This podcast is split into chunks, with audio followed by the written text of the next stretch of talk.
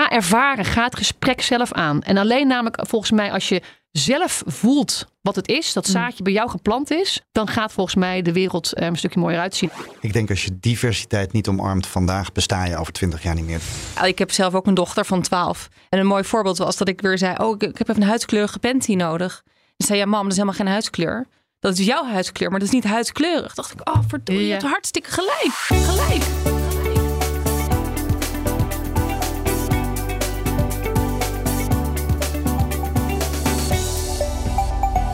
De grote vraag is en blijft: hoe zorg je voor meer diversiteit en inclusie? Een eenduidig antwoord is er niet, maar misschien begint het bij iets dat veel makkelijker lijkt dan het is: communicatie. Immers zorgt dat voor verbinding. En misschien is verbinding wel de sleutel tot meer diversiteit en inclusie. Het is een open vraag waar we het in deze podcast over gaan hebben. Dit is Winnen met Verschillen van Michael Page. Het is vanuit hun kennis over de arbeidsmarkt dat deze podcastserie over diversiteit en inclusie is ontstaan. Ik ben Patricia Verliemd en samen met mijn vaste tafelheer Joost Fortuyn, Senior Managing Director van Page Group, host ik deze serie. Joost, welkom. Dankjewel, fijn er weer te zijn. Het is alweer de laatste aflevering van seizoen 2. Yes, We zijn er doorheen gewandeld, hè?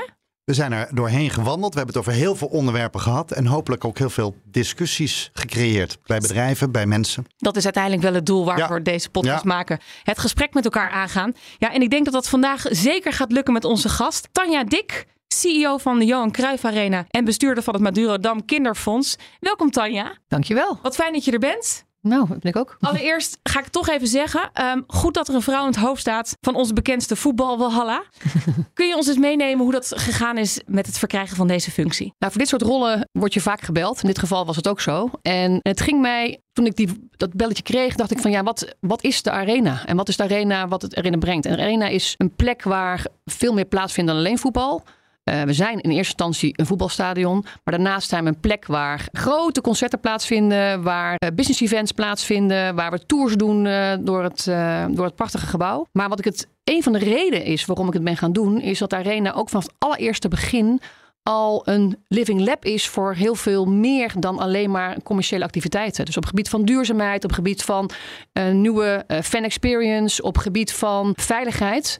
Eh, staat de arena voorop, ook wereldwijd. En dat is iets waar ik een heel graag een bijdrage aan wil leveren. Ja, dat snap ik. En als we gaan kijken naar veiligheid, kan je dat duiden? Ehm, nou, in een plek waar zoveel mensen samenkomen, Mhm. is het van belang om te zorgen dat mensen eigenlijk ons allergrootste belang. Mensen komen veilig naar binnen en gaan veilig naar buiten. En dan hopen we dat ze ondertussen ook een heel gave avond of middag hebben gehad. Maar uiteindelijk gaat het daarom. En wil je graag dat op een manier gebeurt waarbij mensen zich prettig voelen en het eigenlijk niks van merken en toch dat het veilig is. Dus dat is wat eh, voor ons van belang is. Ja, en tijdens de voorbereidende gesprekken met jou over deze podcast werd al snel duidelijk dat verbinding maken als rode draad door jouw werk loopt. Op welke manier zoek jij die verbinding of vind je die verbinding? Of creëer je misschien zelfs die verbinding? Ik ben eh, naast dat ik hotels heb gedaan ook psychologie eh, gaan studeren. En het feit dat je de interesse in de mens, begint, daar begint het wel mee. Mhm. Dat je het leuk vindt om te snappen wat de ander eh, eh, in zich heeft. Dat je het leuk vindt om te weten wat is nou, wat, beweegt nou iemand. En daar gaat het natuurlijk in de dag van vandaag ook over. Want als je wil snappen wat iemand anders beweegt, dan doe je ook veel meer moeite om iemand anders te willen begrijpen. En dat is het onderwerp waar Joost eh, me over belde, is denk ik precies waar het om gaat. eh. En- En veiligheid is natuurlijk ook geborgenheid. Hè? Geborgenheid is ook weer inclusie. Als je geborgen voelt, als je je veilig voelt, als je je senang doet. En dat kan fysiek zijn. Hè? Mensen komen in de arena en moeten weer veilig weg en moeten weer gezond thuis. Maar een gevoel van geborgenheid is inclusie. En dat is, dat is eh, naast het organiseren van evenementen. Als je kunt zorgen dat de arena die rol kan vervullen.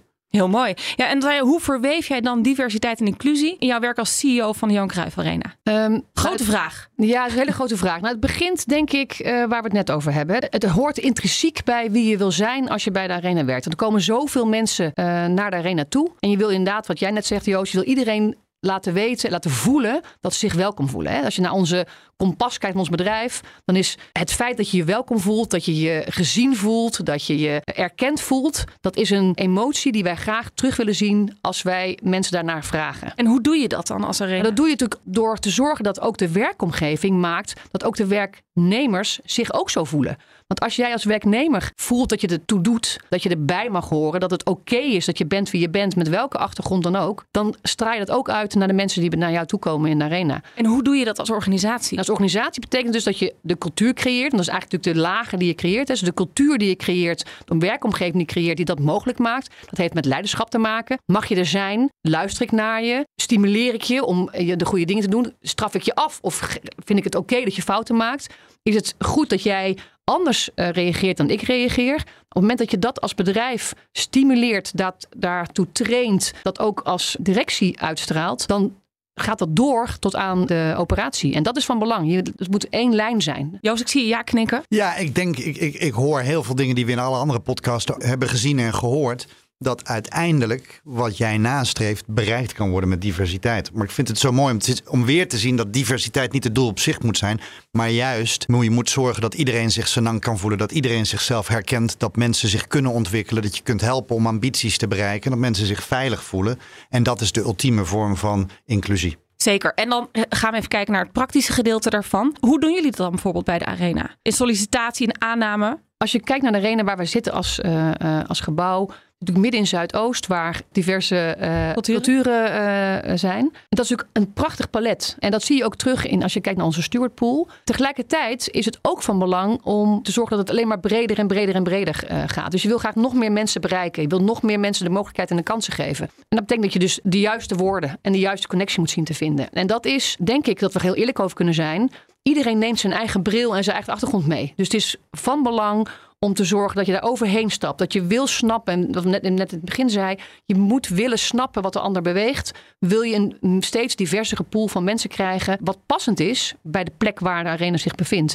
En dat betekent dat soms ook hele strenge regels zelfs moet invoeren. Dat je een bepaalde rol niet invult als er niet minimaal een aantal mensen vanuit diverse uh, achtergronden aanwezig zijn. Zodat je niet, als het toevallig iemand is met een achtergrond A, dat hij zich alleen maar op die achtergrond richt. Want dat is natuurlijk een menselijk. En, en dat betekent dus dat je soms gewoon echt afspraken moet maken. We gaan niet verder tenzij of mits. Ja, en je gaf net al het voorbeeld van uh, diversiteit en inclusie. Het begint bij leiderschap. Maar als je dan met uh, zo'n pool van stewards werkt, heb je ook collega's. Ja. Hoe breng je dat over aan je mensen die voor je werken? De ploeg is juist onze grootste asset. Want het doorgeven van het feit hoe leuk het is om te werken in de arena en dat je daar mag zijn, is de beste reclame om nieuwe mensen te, te, mm. te werven. Dus de, de stewardpool zijn heel vaak mensen die een fulltime baan hebben op een andere plek en dan uh, daarnaast ook binnen de arena werken of dat als, als een parttime uh, vaste uh, onderdeel van hun werk doen. En dan is het toch ook van belang dat zij wel het gevoel hebben dat ze onderdeel zijn van de arena. Want hoe meer wij hen onderdeel maken van de vaste ploeg die elke dag bij de arena werkt, hoe meer zij het gevoel hebben en snappen wat, wat de arena is, hoe ze het kunnen overdragen en met hoeveel meer plezier en enthousiasme ze zelf in hun eigen omgeving met erover praten. En dat is onze grootste wervingsmanier. Ja. En dan zul je dus als, als leidinggevende van de stewardpool, moet je er aandacht voor hebben. En, en praat je ook met je conculega's, de Kuip, et cetera? Ja, natuurlijk. En leren jullie van elkaar? Uh, komen jullie bij elkaar? Geven jullie elkaar handvatten? Um, nou, niet op dit vlak. Als je kijkt naar... Um, dat is eigenlijk zonde. Um, ja, dat, maar we doen het wel met heel veel andere partners. Wat wij zien dat onze grootste win is hier, is door in het gebied waar ons, wij, wij werkzaam zijn, in Zuidoost, om daar de hand in één te slaan. Dus we hebben samen met de gemeente met het masterplan, maar ook met een, uh, we hebben met een aantal partners in het gebied, hebben wij een doorbraak werk en de duizend banenplan gecreëerd waarbij wij gezamenlijk ons inzetten om duizend nieuwe banen te creëren. Jullie werken samen met de gemeente dus? Gemeente, zeker. Gemeente is ook een belangrijk aandeel. Onze grootste aandeelhouder is daarnaast ook uh, natuurlijk een partner die dit van belang vindt en waarmee we veel, veel samenwerken. We doen ook heel veel van de projecten samen met de gemeente. Of het nou gaat over veiligheid of over fan experience of over dit soort uh, werkgerelateerde uh, problematieken. Maar ook met andere partners in het gebied. Waardoor we ons gezamenlijk verantwoordelijk voelen om uh, zoveel mogelijk mensen aan het werk te hebben. De uitdaging die jullie natuurlijk hebben is dat je ook wil verbinden, niet alleen bin, verbinden binnen je eigen talentpool en je eigen medewerkers en je collega's, maar ook die rol wilt vervullen naar de omgeving. Ja. Als ik dat even projecteer op Page Group. Ja, we hebben 31 nationaliteiten. Dat is al heel hard werken. Want het feit dat we die diversiteit hebben, betekent nog niet dat we al die inclusie hebben. Dat moet, daar moet je over blijven communiceren. Dat moet je blijven projecteren. Om te zorgen dat iedereen ook naast het feit dat we allemaal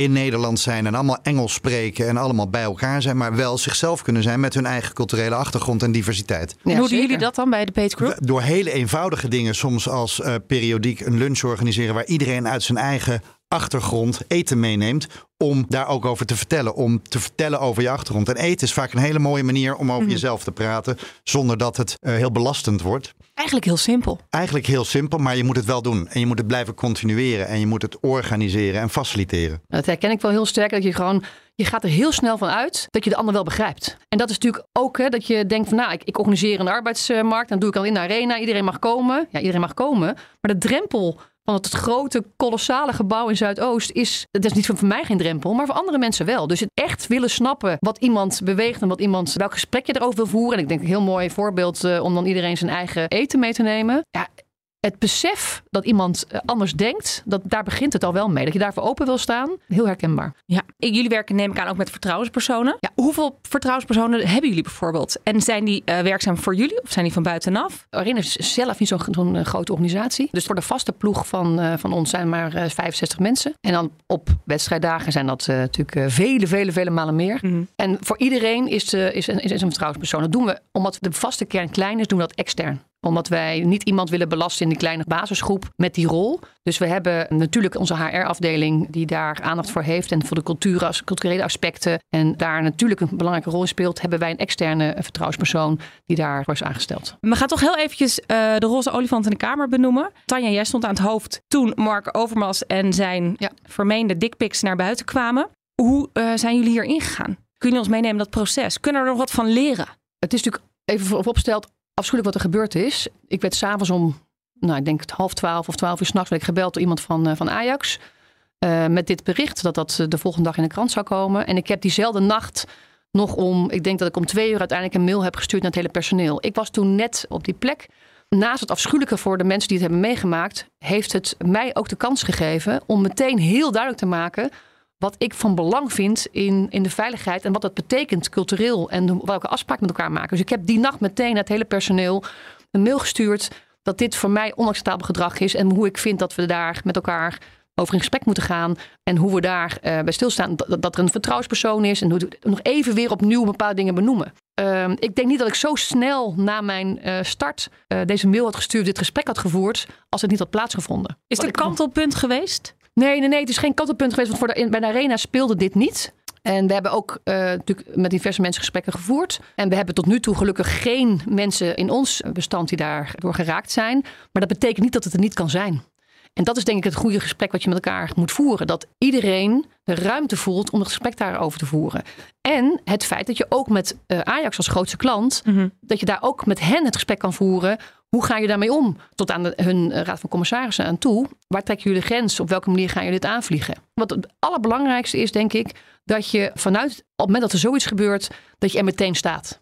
En dat je meteen heel duidelijk bent over hoe je erin staat en wat je verwacht. En ik denk dat er inmiddels geen bedrijf meer is wat hier niet mee geconfronteerd is. En of het nou Ajax is waar dat gebeurde, of het is bij slagerij Jansen op de hoek van de straat. Ik denk dat we er op dit moment heel veel discussies gaande zijn over gedrag van mensen. Die invloed hebben op de veiligheid. Dus invloed hebben op of mensen zich inclusief, veilig en geborgen voelen in een werkomgeving. Ik denk dat het heel belangrijk is dat we die discussies voeren. Of het nou gaat over gedragingen bij de wereld draait door. Of mensen die anderen op een onheuse manier bejegenen. Overal zal wel wat gebeuren. En zeker de, de laatste ontwikkelingen over gedragingen bij de wereld draait door. Ik denk dat elke persoon in een leiderschapsfunctie zich wel eens afvraagt van... Goh, heb ik mezelf laten gaan? heb, ik, heb ik te emotioneel gereageerd? Het is een, een, een moeilijke discussie. Het is een discussie die afschrikt. Het is een discussie die wel zorgt voor heel veel ontwikkelingen in gedragingen. En ik denk dat dat heel goed is. Ik denk dat we geen keus hebben, maar naar de volgende fase moeten gaan. En die gaat niet zonder hier en daar wat scheurtjes.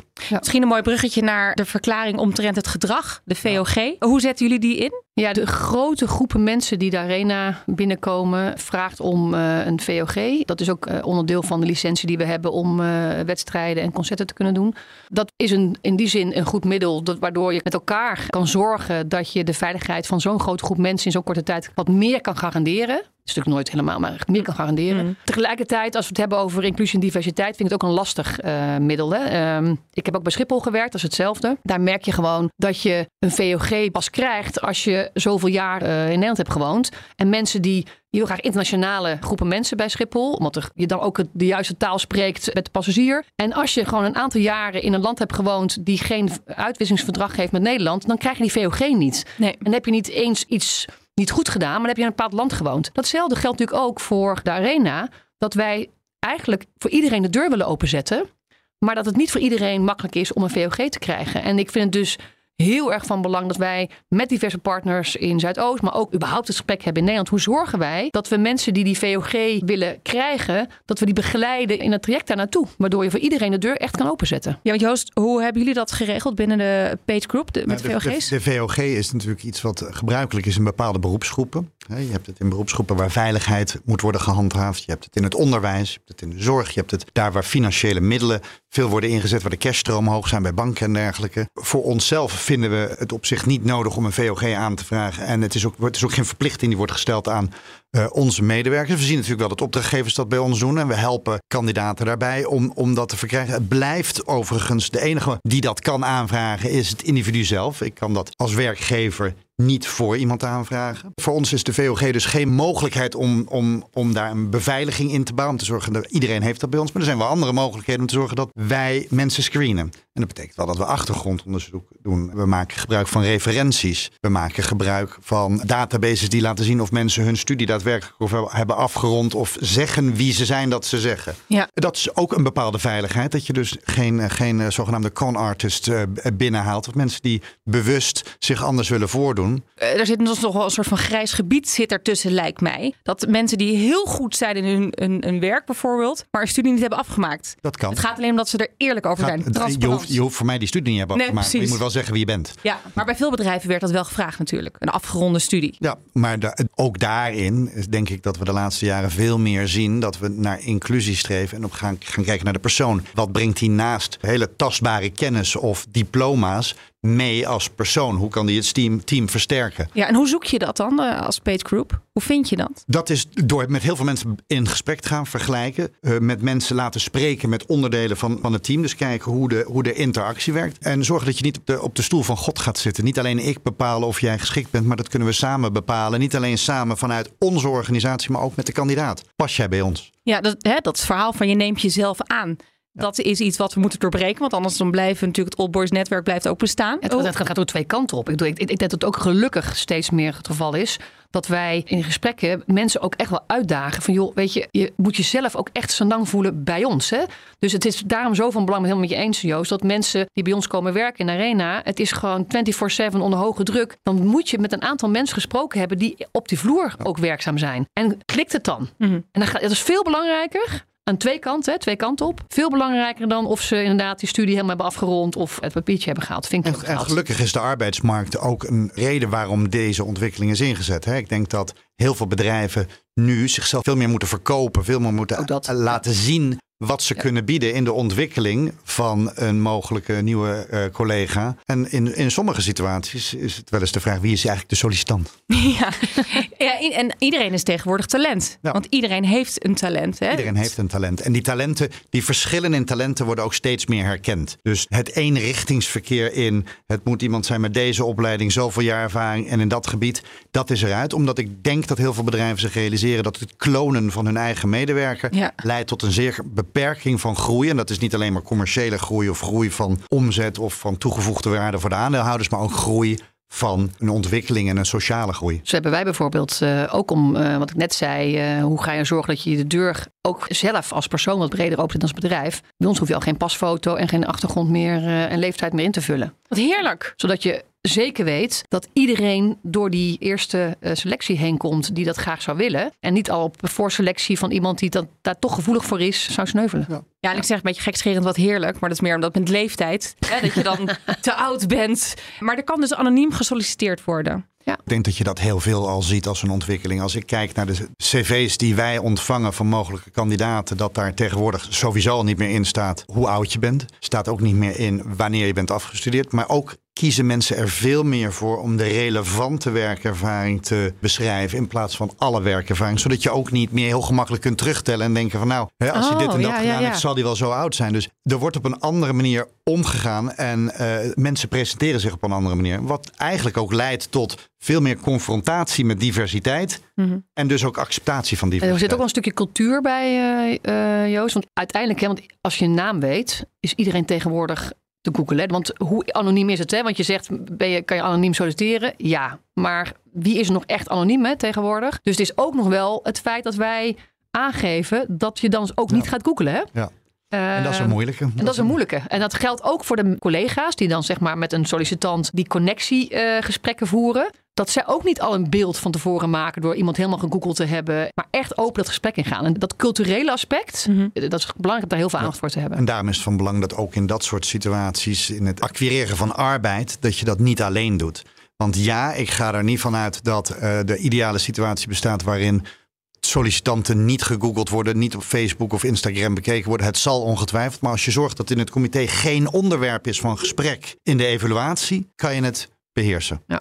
Tanja, jij zit hier met eh, twee petten op eigenlijk. Ook als bestuurder bij Madurodam Kinderfonds. Want ook daar speelt verbinding maken een ontzettend belangrijke rol. Kan je daar wat meer over vertellen? Ja, het is een hele leuke eh, vrijwilligersrol die ik daar mag vervullen. Het Madurodam Kinderfonds heeft als basis, eh, mogen zij het eh, geld uitgeven, een bedrag per jaar, wat via eh, eigenlijk het Madurodam Park naar het, via het Vermogensfonds naar het Kinderfonds gaat. En we geven het geld aan projecten die kinderen in beweging zetten door met andere leeftijdsgenoten, andere bevolkingsgroepen, andere mensen, kinderen of volwassenen met andere achtergronden in connectie te komen. Dus alles is erop gericht dat we kinderen leren dat er meer is dan alleen het, de omgeving waar zij opgroeien en waar zij vandaan komen. En dat begint al met het feit dat wij een jonge college van burgemeester en wethouders hebben die van tien verschillende scholen komen met ook dit jaar weer een prachtig palet aan diverse achtergronden met hele mooie gesprekken. En ook het bestuur hebben wij steeds diverser gemaakt. Toen ik, zal eerlijk zeggen, toen ik eh, binnenkwam waren het eh, drie eh, weliswaar vrouwen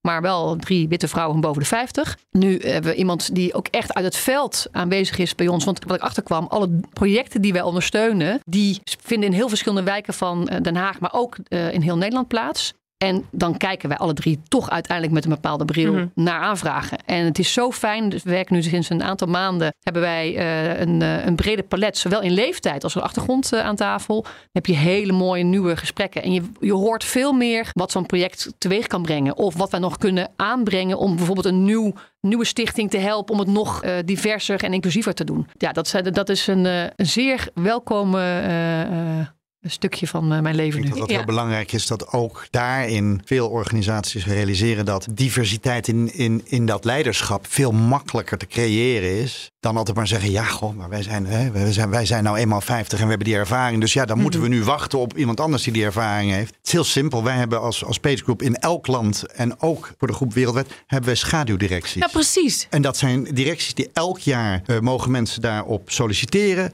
Dat is een afspiegeling van, van de doelgroep. We hebben dat in Nederland van alle onze kantoren, van de verschillende merken, de verschillende leeftijdsdoelgroepen. Om eens te horen, wij maken deze beslissing als bedrijf, zitten we met deze uitdagingen. Help ons daarbij. En we hebben hetzelfde voor onze raad van bestuur, die zich laat adviseren door een groep van tien mensen uit de hele wereld. Die de beslissingen die we als groep voor de rest van de wereld maken. Dat we die benchmarken en dat we ons laten adviseren hoe daarop gereageerd wordt door andere doelgroepen. En zo word je divers in je gedachten Mhm, en in je beslissingen. Ja, en eigenlijk wat jullie doen, Tanja, is een soort van eh, diversiteitszaadje planten bij de kinderen al. Ja.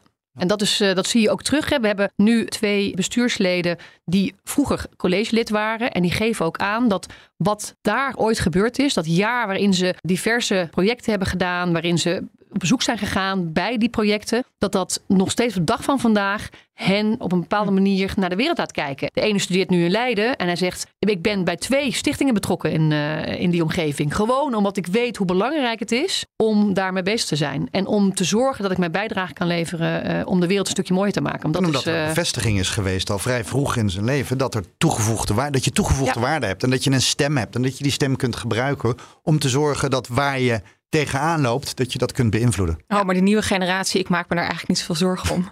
Ze krijgen nog wel hier en daar het verkeerde voorbeeld. Dat wel. ja. Maar ja, ik heb zelf ook een dochter van 12. En een mooi voorbeeld was dat ik weer zei: Oh, ik, heb even een huidskleurige panty nodig. Dan zei ja, mam, dat is helemaal geen huidskleur. Dat is jouw huidskleur, maar dat is niet huidskleurig. Dacht ik, oh, verdorie, je Ja. hebt hartstikke gelijk. Ja. Dus daar maak ik me niet zo zorgen om. Maar goed, eh, eh, mooi dat het gebeurt. Eh, Tanja, wat zou jij organisaties willen meegeven die D&I zien als iets erbij? We moeten er nog iets mee doen. Wat zou je deze organisatie willen adviseren? En Joost, natuurlijk aan jou dezelfde vraag. Nou, wat ik iedereen zou willen meegeven is om ervoor voor zorg te dragen dat het intrinsiek leuk wordt. Want het, je kunt allerlei regels opleggen. Je kunt allerlei dingen in gang zetten. Je kunt vertrouwenspersonen. Je kunt proberen via regels op een andere manier sollicitatie laten plaatsvinden. Je kunt een diverser bestuur maken. Maar uiteindelijk gaat het erom dat je mensen laat, het laat ervaren. Mm. Dat betekent dus, zoals wij het college van BNB en Madurodam het echt laten ervaren. Zo is het ook van belang om mensen echt naar buiten te sturen als het gaat om een arena. Ga ervaren, ga het gesprek zelf aan. En alleen namelijk volgens mij als je zelf voelt wat het is, dat zaadje bij jou geplant is, dan gaat volgens mij de wereld er een stukje mooier uitzien. En heb je een diverser en inclusiever traject met elkaar. Joost. Ja, dus ik zit te hint op twee gedachten. De eerste is een beetje bang maken en ik ga hem er toch in gooien. Ja, ja, zeker. En ik geloof dat ik dit al in de eerste podcast misschien vorig jaar ook aan heb gehaald. Van herhaling leren we, Joost. Ja, ja. Twintig jaar geleden zeiden we, als je eh, flexibiliteit niet omarmt, dan besta je over twintig jaar niet meer. Ik denk als je diversiteit niet omarmt vandaag, besta je over twintig jaar niet meer. Dus het is aan de ene kant een beetje angst inboezemen. Aan de andere kant weet ik zelf dat je ontwikkelt, dat je leert, dat je van toegevoegde waarde blijft, dat je eh, van belang blijft en dat je breder bent dan alleen maar een naam op de gevel. En ik denk dat we allemaal een sociale verantwoording hebben. Dus pak het aan, omarm het en laat zien dat het je heel veel gaat brengen. En ga op zoek naar je gesprekspartners, naar je doelgroepen. En dat zijn niet alleen maar je medewerkers of je klanten, dat zijn andere partijen. Als ik kijk naar eh, Page Group, wij staan op het kruispunt van arbeid. Wat bedoel je daarmee? Nou, bij ons passeren Ja, ja, mensen die van Mhm. de een naar de andere baan gaan. En zo spreken wij bedrijven die op zoek zijn naar talent wat al dan niet beschikbaar is. Op dat kruispunt vinden we dat we moeten adviseren. Vinden we ook dat we moeten laten zien dat het op een andere manier kan. Dat het breder kan. En willen we ook helpen. Willen we een toegevoegde waarde hebben. We hebben ons gecommitteerd in een samenwerking met een, met de stichting Emma at Work. Daarmee helpen wij mensen, jongeren met een afstand tot de arbeidsmarkt om die afstand te verkleinen. Want wij staan op dat kruispunt, Mhm. dus we helpen ze oversteken. En dat zorgt ook voor de discussie van diversiteit en dat zorgt voor inclusie. Nee, ik zou ook nog wel een, een, een oproep willen doen met elkaar om te zorgen dat we het ook regelgevingstechnisch makkelijker maken. Hè? Want we zouden best wel mensen makkelijk willen maken. Of het nou de VOG-regelgeving is, of het nou gaat over de manier waarop je je omgeving kan helpen. We hebben bijvoorbeeld als, als Arena zijn wij al heel lang bezig met duurzaamheid. We hebben een batterij in de kelder staan waar wij energie op slaan. En dat zouden we heel graag willen geven aan de omgeving om de energiearmoede te helpen. Maar dat is regelgeving technisch gewoon niet, niet, niet mogelijk. En zo hebben we natuurlijk ook best wel wat re- drempels eh, ingericht. Die aan de ene kant helpen om dingen beter te organiseren. Aan de andere kant ook heel veel drempels opwerpen voor mensen die geen idee hebben hoe zo die weerwar eh, heen moeten. Dus dat zou ik ook wel heel fijn vinden in algemeen eh, als oproep. En ik merk daarnaast, wat ik als over regelgeving heb wat goed is. Als je kijkt naar ESG, eh, de CSRD. Dat is wel weer eentje wat helpt. Hè. Bij hoeveel als kleine MKB in basis daar nog niet aan te voldoen. Maar het feit dat het er is en wij graag voorop lopen en dan juist een stap willen maken, daar maken we wel weer gebruik van. Dus het feit dat je, je hebt nu heel veel mooie handvatten om dit te gaan doen. En wat jij net zegt, als je het namelijk niet doet, dan word je keihard afgestraft. Dus het gaat hopelijk eh, bedrijven in gang zetten om als je intrinsieke motivatie nog niet hebt, om toch in ieder geval aan de bak te gaan. Want ik ben het, ik ben het helemaal met je eens. Ik denk dat je geen me- medewerker meer krijgt over tien jaar als je niet een eh, aantal stappen met elkaar aan het zetten bent. Mooie woorden, mooie laatste woorden. Interessante woorden ook. Misschien wel een eh, seizoen 3, Joost. Ja, wie Want weet. we zijn niet uitgesproken. We zijn niet uitgesproken en de wereld blijft ook veranderen. En we willen blijven spreken over de verandering. Zo is het. Tanja, Dick, mag ik je ontzettend bedanken voor je komst hier vandaag in de studio. En heel veel Zeker. succes met het werk. Het goede werk ook wat je doet. De verbinding. Blijf die opzoeken. En bij mensen dus de intrinsieke motivatie aanwakkeren. Daar moet het vandaan komen. Joost, dankjewel. Ja, graag gedaan. Dank jou. Ik heb genoten. Ik heb Ja. echt veel geleerd. Michael Page, prachtig bedrijf. Ik ben heel blij dat jullie deze podcast hebben gemaakt. Ik denk dat heel veel bedrijven hier wat aan hebben. Wat zullen leren. Wat, in, wat het iets in gang zet. Hè? Dat is eigenlijk wat we willen. Als, als we ervoor zorgen dat het een onderwerp van gesprek is op de werkvloer of in de vergaderkamer, dan zijn we in onze opzet geslaagd. Yes. Tanja Dik, CEO van de Johan Cruijff Arena en bestuurder van het Madurodam Kinderfonds. Dankjewel voor je inspirerende kijk op diversiteit en inclusie. En Joost Fortuyn, Managing Director Page Group. Dankjewel dat je weer tafelheer wilde zijn. En is verbinding de sleutel tot meer diversiteit en inclusie? Het was een open vraag en de titel van deze laatste aflevering van de podcast Winnen met Verschillen. We hopen dat we je geïnspireerd hebben. Winnen met Verschillen werd mede mogelijk gemaakt door de Page Group, bekend van de merken Michael Page, Page Personal en Page Executive. Winnen met verschillen is te vinden op bnr.nl, Spotify, Apple Podcast en michaelpage.nl slash podcast. Dankjewel voor het luisteren.